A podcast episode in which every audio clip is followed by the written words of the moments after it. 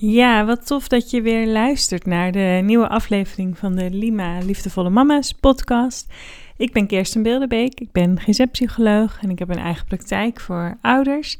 En daarnaast eh, ben ik eigenaar van Lima Liefdevolle Mama's, wat eigenlijk voor nou, alle ouders is. Omdat ik denk dat we allemaal wel op een bepaalde manier uitgedaagd worden in het ouderschap en geconfronteerd worden met onze eigen kwetsbaarheden.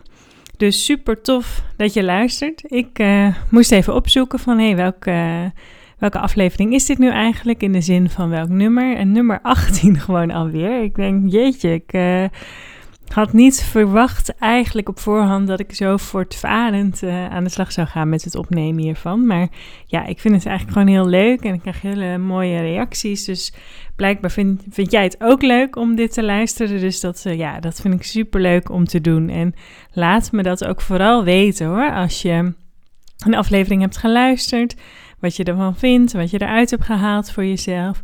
Of als je zelf zoiets hebt van, nou, ik vind dit toch wel een heel belangrijk onderwerp. Hier zou ik het wel, eens een, zou ik wel eens een podcast van je over willen horen. Dan vind ik dat ook alleen maar super leuk. En um, wat ik op voorhand nog wil zeggen, als je denkt van nou eigenlijk zouden wel meer ouders dit uh, hier wat aan hebben als ze dit luisteren, dan vind ik het ook super leuk als je iets deelt in je stories op Instagram of als je mij uh, reviews wil geven hier op, de, op Spotify bijvoorbeeld. Dat kan door op de drie puntjes te klikken naast, mijn, uh, naast de naam van de podcast. Dan kun je sterren geven. Dus dat zijn allemaal manieren waarop je mij heel erg helpt eigenlijk om nog meer ouders te bereiken. Goed, um, de podcast van vandaag, waar gaat die over? Want ik ben inmiddels uh, twee minuten alweer op weg en ik heb dat nog helemaal niet verteld. Um, nou, het leek mij wel tof om eens een aflevering op te gaan nemen over driftbuien. Um, over driftbuien bij je kind bedoel ik dan overigens. Uh, maar zoals je misschien inmiddels een beetje van mij gewend bent, gaat het in mijn podcast niet zozeer over jouw kind, maar meer over jou. Maar toch wil ik in dit thema een beetje de combi gebruiken. Want ik denk als het gaat om driftbuien, dat is denk ik voor veel ouders zijn, zijn dat wel grote uitdagingen in het, uh, in het ouderschap. En um, als ik naar mezelf kijk, zijn dat ook wel momenten die me echt uh, gewoon me zoveel energie kunnen kosten. En daarom is het denk ik eigenlijk wel heel mooi om eens naar dat uh, thema of naar zeg maar driftbui te kijken vanuit een meer schematherapeutische bril. Want dat is waar ik vooral mee werk met schematherapie. En in, met Lima probeer ik dat eigenlijk te vertalen naar alle ouders. Nou, voordat ik ga beginnen, even een slokje thee. Um, driftbuien. Ik weet niet uh, wat jouw ervaring als ouder ermee is, maar ik denk dat iedereen ooit in zijn leven als ouder wel mee gaat maken dat hij in de supermarkt staat en dat dan per se een bepaalde uh, pak koekjes gekocht moet worden. Of dat er per se een bepaald knuffeltje. Ik weet niet, er is helemaal in deze decemberperiode steeds meer speelgoed ook in de supermarkten te vinden. Dat ik denk, nou, dan maak je een supermarktbezoekje ook niet per se gemakkelijker voor, voor de ouders. En want dat zijn allemaal dingen die ervoor kunnen zorgen dat je kind heel boos kan worden en echt een soort driftbui kan krijgen, een schreeuwend, krijzend op de grond uh, kan gaan liggen. Ik heb dat zelf uh, van de zomer, of nou trouwens laatst ook nog hoor, drie weken terug of zo had ik dat nog. Maar um, ik had het laatste uh, van de zomer ook een keer in de, in de supermarkt. En toen uh, liep er een moeder langs mij, of een moeder, dat weet ik eigenlijk niet eens, maar een vrouw. Ik denk dat zij, uh, nou, iets van 15 jaar ouder zo als ik, zeg maar, wel wat ouder. En uh, ze zei tegen mij van, nee, je moet gewoon doorlopen hoor. Gewoon doorlopen. En nou, ik dacht echt, mijn zoontje lag helemaal overstuur op de grond. helemaal in tranen om een bepaalde knuffel die hij niet van mij mocht hebben. En ik denk, ja, dan, ga ik, dan loop ik toch niet bij hem weg. Uh, dus ik zei ook tegen haar van, nou, zo wil ik niet met mijn kind uh, omgaan. Dus dat doe ik niet. Nou, vond ik best wel dapper van mezelf. Want uh, eigenlijk ben ik van nature, was ik, ik moet eigenlijk zeggen was ik. Want ik denk dat ik het niet meer zo ben. Maar ik was altijd wel redelijk conflictvermijdend. En ehm, ik denk eigenlijk dat ik daar wel in veranderd ben. Dus dat ik ook wel mag ophouden met over mezelf zeggen dat ik conflictvermijdend ben. Want ik ben echt wel de laatste jaren, eigenlijk wel sinds ik moeder ben, veel ehm, directer geworden en eerlijker. En uh, ik zeg veel vaker wat ik vind, ook als dat niet overeenkomt met wat anderen vinden. Dus dat vind ik eigenlijk wel heel fijn. Um, dus ook in deze. En dat vond ik ook fijn richting mijn zoontje, dat hij ook eigenlijk wel hoort van ja, mijn moeder is er gewoon voor mij, ook in dit soort momenten. Maar ik driftbuien dus, hè? want ik denk, ja, het is eigenlijk een thema waar je op veel verschillende manieren naar kunt kijken. Dus ik zelf ook nog even een beetje in mijn hoofd aan het zoeken ben, uh, vanuit waar ga ik hem eigenlijk aanvliegen. Maar eigenlijk denk ik dat ten eerste het al belangrijk is om je te realiseren dat je kindje daar ook geen plezier in heeft, zeg maar. Het is niet dat jouw kind dat fijn vindt om zo'n driftbui te hebben. Het is niet dat jouw kind dat doet om jou ehm, het moeilijk te maken of op jou in de weg te zitten of om wat dan ook, zeg maar. Ik geloof daar niet in dat daar vanuit jouw kind ook maar enige nare bijbedoeling aan zit. Dat helpt misschien al een beetje, zeg maar, hè, om je daar bewust van te zijn. Ik vond ook, ik heb een boek gelezen, ik wilde hem erbij pakken, maar dat hoeft hij natuurlijk niet bij deze podcast. Uh, dat boek heet Het Goede in ons van Becky Kennedy, is het volgens mij. Um, en dat vond ik ook vond ik een heel mooi boek sowieso. Maar wat zij bijvoorbeeld in een van de eerste hoofdstukken al schrijft, is van een vraag die je jezelf kunt stellen. Wat is de aardigste verklaring voor dit gedrag? Ik ben bewust even stil. Dan kun je me even op je in laten werken. Wat is de aardigste verklaring voor dit gedrag? En probeer dan nog weer eens terug te denken aan zo'n moment, zo'n driftbuimoment. Als ik even naar mijn eigen kinderen kijk, dan gaan driftbuien heel vaak over dat ze eigenlijk zelf al ehm, ja, tot, hun, tot of over hun max zitten van wat ze kunnen verwerken op een dag of van wat ze hebben meegemaakt. Het is eigenlijk, ja, ik durf eigenlijk wel gewoon altijd te zeggen, het is eigenlijk volgens mij altijd een uiting van een vol hoofd, zeg maar. Te veel, te of, een, of een, een vol lijf, hoe je het maar wil zeggen. Hè? Maar ik denk een soort van uiting van kortsluiting of zo. Van het is gewoon te veel. En um, um, ja, dat is een soort van ja, noodsignaal of zou ik ja zeggen vanuit je kind. Dus ik geloof daar echt niet in dat dat, dat, dat doelbewust is of manipulatief of nou, wat voor nade termen je er ook allemaal aan kan gooien. Dat, dat, dat geloof ik niet. Het is meer de onmacht van je kind. En het ingewikkelde eraan is, vind ik ook zeker, is dat eigenlijk die onmacht die jouw kind voelt, die overprikkeling die je kind voelt, die ga je heel vaak zelf als ouder ook voelen op dat moment. En dat is ingewikkeld. Want dan zit je dus eigenlijk allebei in een soort van kortsluitingssituatie, zeg maar. Je kind heeft een soort kortsluiting, je zit helemaal in zo'n driftbui. En dat is ook heel heftig voor jou als ouder om Ehm, te zien en te ervaren. En helemaal als dat in het openbaar is natuurlijk, maar ook gewoon überhaupt. Um, sowieso qua prikkels. Ik bedoel, meestal, meeste kinderen maken dan ook best wel veel geluid, uh, veel herrie. um, en ja, eigenlijk overvraagt het jou op dat moment ook. En er is ook grote kans dat dat vaak juist gebeurt aan het einde van de dag of na een drukke week of na een druk weekend. Hè? Dus dat het eigenlijk dat jij zelf ook al een beetje aan de grens zit van jouw kunnen, aan de max van je kunnen. En dan moet je dit er ook nog eens bij gaan handelen. Dat vraagt nogal wat van jou als ouder. En ik denk dan eigenlijk jouw kind zit dus in een soort van machteloze situatie en jij mogelijk ook. Maar je zult misschien ook wel herkennen dat als jij zelf um, nou, gewoon wel een fijne dag hebt. Of lekker in je vel zit en je rustig voelt en oké bent helemaal. Je eigen behoeften zijn wel wat voorzien, zeg maar, in de dag of in de week. Eh, dan kun je zelf rustig blijven in zo'n moment.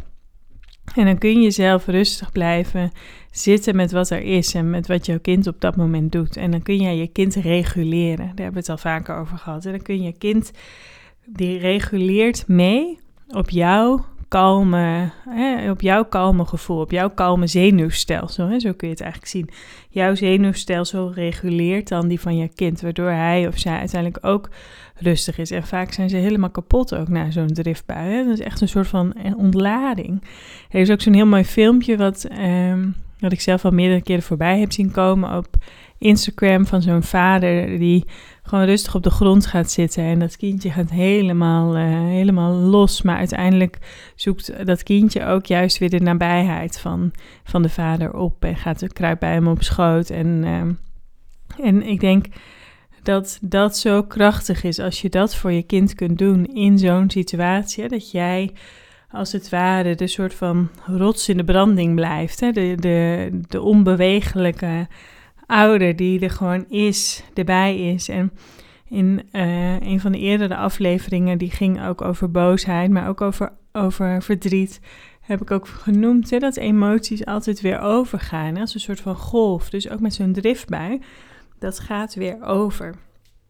Dus dat is ook iets wat je tegen jezelf kunt zeggen eigenlijk in zo'n momenten. Dit gaat weer over, dit gaat weer over. En concentreer je op je ademhaling en probeer die een beetje Ehm, rustig te houden. Maar dit zijn allemaal dingen die gemakkelijker gezegd zijn dan gedaan. Ik bedoel, laten we wel wezen, het is niet niks als dit gebeurt. En helemaal niet als dat gebeurt in een, uh, in, een, bijvoorbeeld zoiets als een supermarkt. En ehm, ik denk ook, er zit verschil natuurlijk in kinderen, er zit verschil in ouders uiteraard. Ehm, dus het ene kind zal vaker driftbuien hebben dan de ander. En ik denk als jij een kind hebt wat vaker driftbuien heeft, is het ook, denk ik, belangrijk om na te gaan van hé, hey, welke factoren zouden er nou een rol in kunnen spelen? Want ik noemde net al, hè, ik denk dat het heel vaak gaat om een soort van ja, over, overload, zeg maar, system overload, een soort van kortsluiting. Um, maar het kan ook gaan over bijvoorbeeld autonomiebehoeften. Daar, daar heb ik het volgens mij ook al wel een keer eerder. Nou, anders kan ik daar ook nog wel eens een aflevering over maken. Laat me maar weten als je dat wil. Maar autonomie is een van de emotionele basisbehoeften. Dus jouw kind heeft ook behoefte aan autonomie. Alleen, um, dat kan soms ingewikkeld zijn. Stel, je hebt een hele volgeplande drukke dag en je gaat Ehm, je kind uh, moet bijvoorbeeld naar de opvang op een bepaald tijdstip er zijn. Je moet daar helemaal mee in de structuur. En dan naar huis en eten en naar bed. En je moet per se deze kleren aan. Of per se deze schoenen, deze jas. Ehm, dit is, krijg je voorgeschoteld voor je avondeten. Waar, uh, om maar eventjes zeg maar te illustreren. En dit kun je natuurlijk helemaal toespitsen op je eigen situatie. Maar waar heeft je kind ruimte om zelf een keuze te maken? Waar heeft je kind ruimte om zelf invloed uit te oefenen eigenlijk op zijn of haar dag? En ik denk dat als kinderen weinig autonomie ervaren, dat er ook ehm, dat dat frustreert. Hè? Ga maar eens voor jezelf naar. Hè? Als jij weinig autonomie hebt, als jij heel veel geforceerd wordt om dingen op een bepaalde manier te doen en je eigenlijk weinig ruimte krijgt om eigen keuzes te maken, zelf invloed te mogen uitoefenen, word je daar niet echt gewoon super gefrustreerd van? Nou, ik wel in ieder geval. Dat zou mij echt enorm frustreren. En dan ga je dat ook afreageren op mensen die dichtbij je staan. Hè? Als je dan een partner hebt, nou, ik weet niet, maar ehm, ik denk dat mijn partner wel degene is waar ik als eerste terecht kom met mijn frustratie. Wat dan misschien helemaal niet over hem gaat of helemaal niks zegt over iets wat hij doet, maar dat dat gewoon mijn opgekropte frustratie is. En zo kun je het eigenlijk ook zien met je kind. Hè? Die heeft misschien ook wel opgekropte frustratie over wat er gebeurd is op de opvang of op school. En ehm, die ziet jou en die voelt daar de ruimte om dat te uiten. En dan kun je dus eigenlijk ook weer terugkeren naar die vraag: hè, van wat is de aardigste verklaring voor dit gedrag?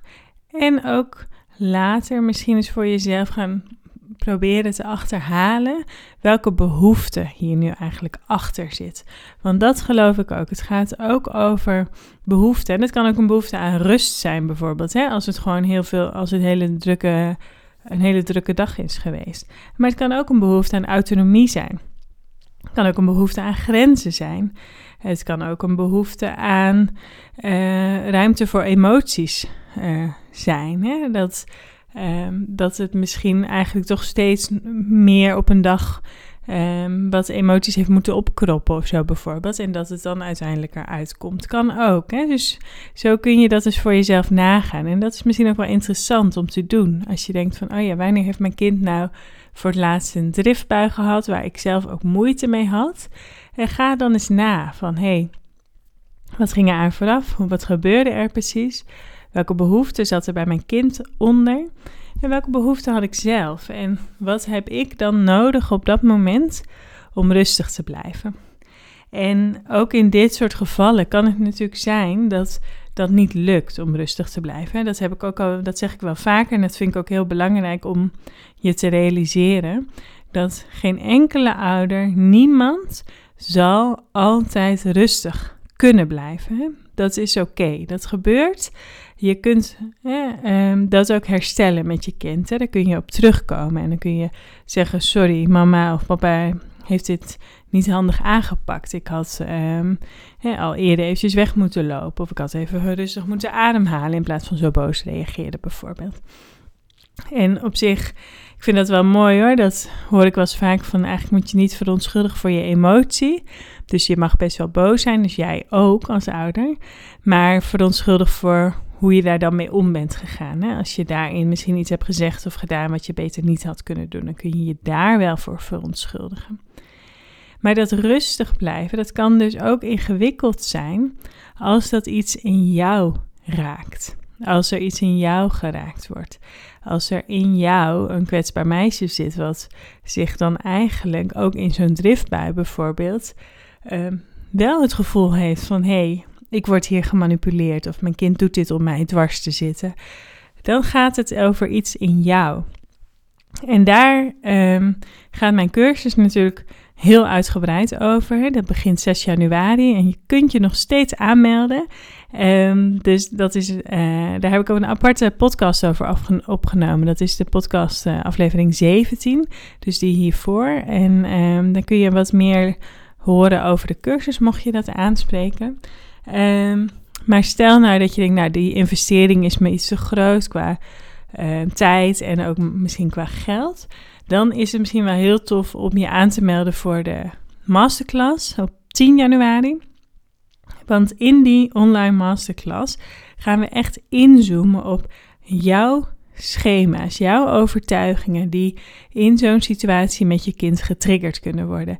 En die ervoor kunnen zorgen dat het misschien niet zo goed lukt om rustig te blijven. En dan gaan we echt heel persoonlijk zeg maar inzoomen op wat er in jou geraakt wordt en wat jij nodig hebt. Met welke emotionele behoeften hangt dat samen?